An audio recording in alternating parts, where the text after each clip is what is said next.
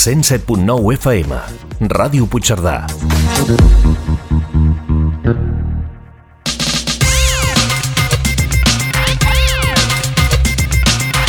A la sintonia de Ràdio Puigcerdà, els dimarts a les 12 del migdia, Ciència en Colors, presentat per l'Enric Quílez, un programa de divulgació científica i tecnològica.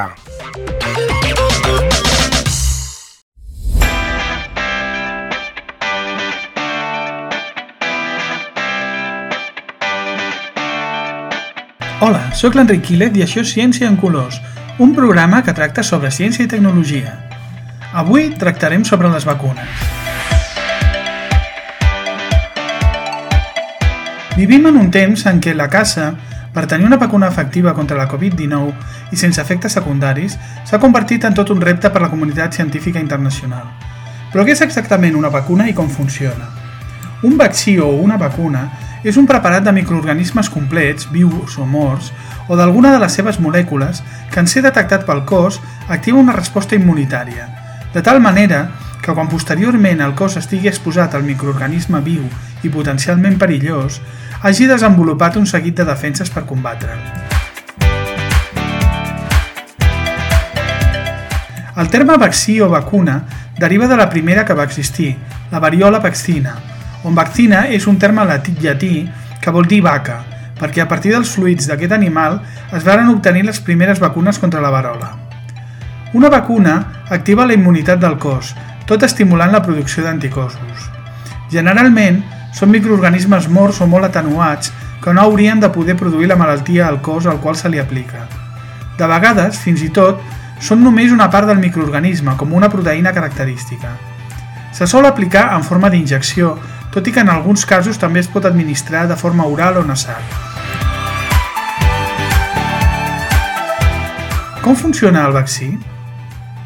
Un cop entrat al nostre organisme, s'activen les cèl·lules presentadores d'antígens per iniciar la resposta immunitària. Després, s'activen els linfòcits T i B, dels quals ja vàrem parlar en un altre programa, i es formen moltes cèl·lules en memòria. Els linfòcits B de memòria continuen produint anticossos al llarg del temps, memòria immunitària. És per això que quan ens posem una determinada vacuna, aquesta és efectiva durant un cert temps. Algunes duren tota la vida i altres, com la de la grip, s'han de posar cada any, ja que el virus va mutant i calen noves immunitzacions. També hi ha patògens, com el del tètanus, que requereixen un recordatori en forma de vacuna cada certs anys. El metge britànic Edward Jenner va inventar el primer vaccí contra la parola l'any 1796. A Espanya, la vacuna va ser introduïda pel metge puigcerdanès Francesc Piguillem. Gràcies a les successives campanyes de vacunació, es pot considerar que la varola, una malaltia molt mortífera, ha estat totalment erradicada de la faç de la Terra i una altra malaltia també molt cruel, com la poliomielitis, està a punt de ser eliminada també.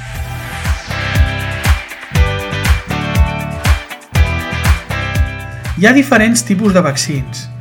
A aquests, a més a més, se'ls afegeixen unes substàncies anomenades coadjuvants, que serveixen per reforçar la resposta immune.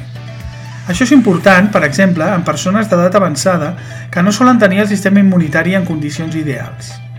La contrapartida és que en alguns casos poden desllorigar reaccions fortes i, per exemple, produir febre o inflor al lloc on s'ha administrat la vacuna. Hi ha gent que pertany al col·lectiu antivacunes, per exemple, que critica l'ús de l'alumini com a coadjuvant, però el cert és que la quantitat d'alumini que contenen és ínfima. Durant anys, hi ha hagut molta gent que es va creure unes declaracions de cert metge que afirmava que les vacunes produïen autisme en els nens, cosa que no ha estat en absolut demostrada. De fet, el metge en qüestió se'n va desdir poc després, però el mal ja estava fet. Això i certes campanyes de desinformació que corren per internet han generat el dubte sobre la seguretat de les vacunes. Les vacunes són segures i salven milions de vides cada any. Per cada cas que pot produir una certa reacció adversa, hi ha milers i milers de casos on no es produeix. Es tracta d'un producte molt testejat mèdicament i són tan segures com ho pugui ser qualsevol altre tractament. I què passa amb la vacuna de la Covid-19? Una de les novetats més importants d'algunes d'aquestes vacunes és que fan servir l'ARN i per això es diuen vacunes d'ARN. Com funcionen? A grans trets, una vacuna d'ARN o vacuna d'ARN missatger és un tipus de vacuna que utilitza una còpia artificial d'un ARN missatger natural per produir una resposta immunitària. La vacuna traspassa molècules d'ARN sintètic a cèl·lules humanes. Un cop a l'interior de les cèl·lules, l'ARN de la vacuna funciona com a ARN missatger, fent que les cèl·lules construeixin una proteïna estranya que, normal, que normalment seria produïda per un patogen, com un virus, i llavors es genera una resposta immunitària. Serà efectiva la vacuna de la Covid-19? Es parla d'efectivitats del 90 o del 95%, però hi ha gent que té por que les noves mutacions dels virus les facin inútils. Per sort, això ja es va preveure. Sabem perfectament que els virus no paren de mutar. És per això que es fan servir aquelles molècules del virus més estables, aquelles que muten menys. D'aquesta manera ens garantim una certa tranquil·litat durant un cert temps, tot i que com passa amb la grip, és possible que aquest virus vagi, hagi vingut per quedar-se i ens hàgim de vacunar periòdicament contra les noves soques del microorganisme. Les vacunes de l'ARN podrien representar una veritable revolució en la lluita contra els virus i ja s'estan estudiant per immunitzar la gent contra virus com el VIH o les grips. I fins aquí el programa d'avui. Al proper programa tractarem sobre el canvi climàtic.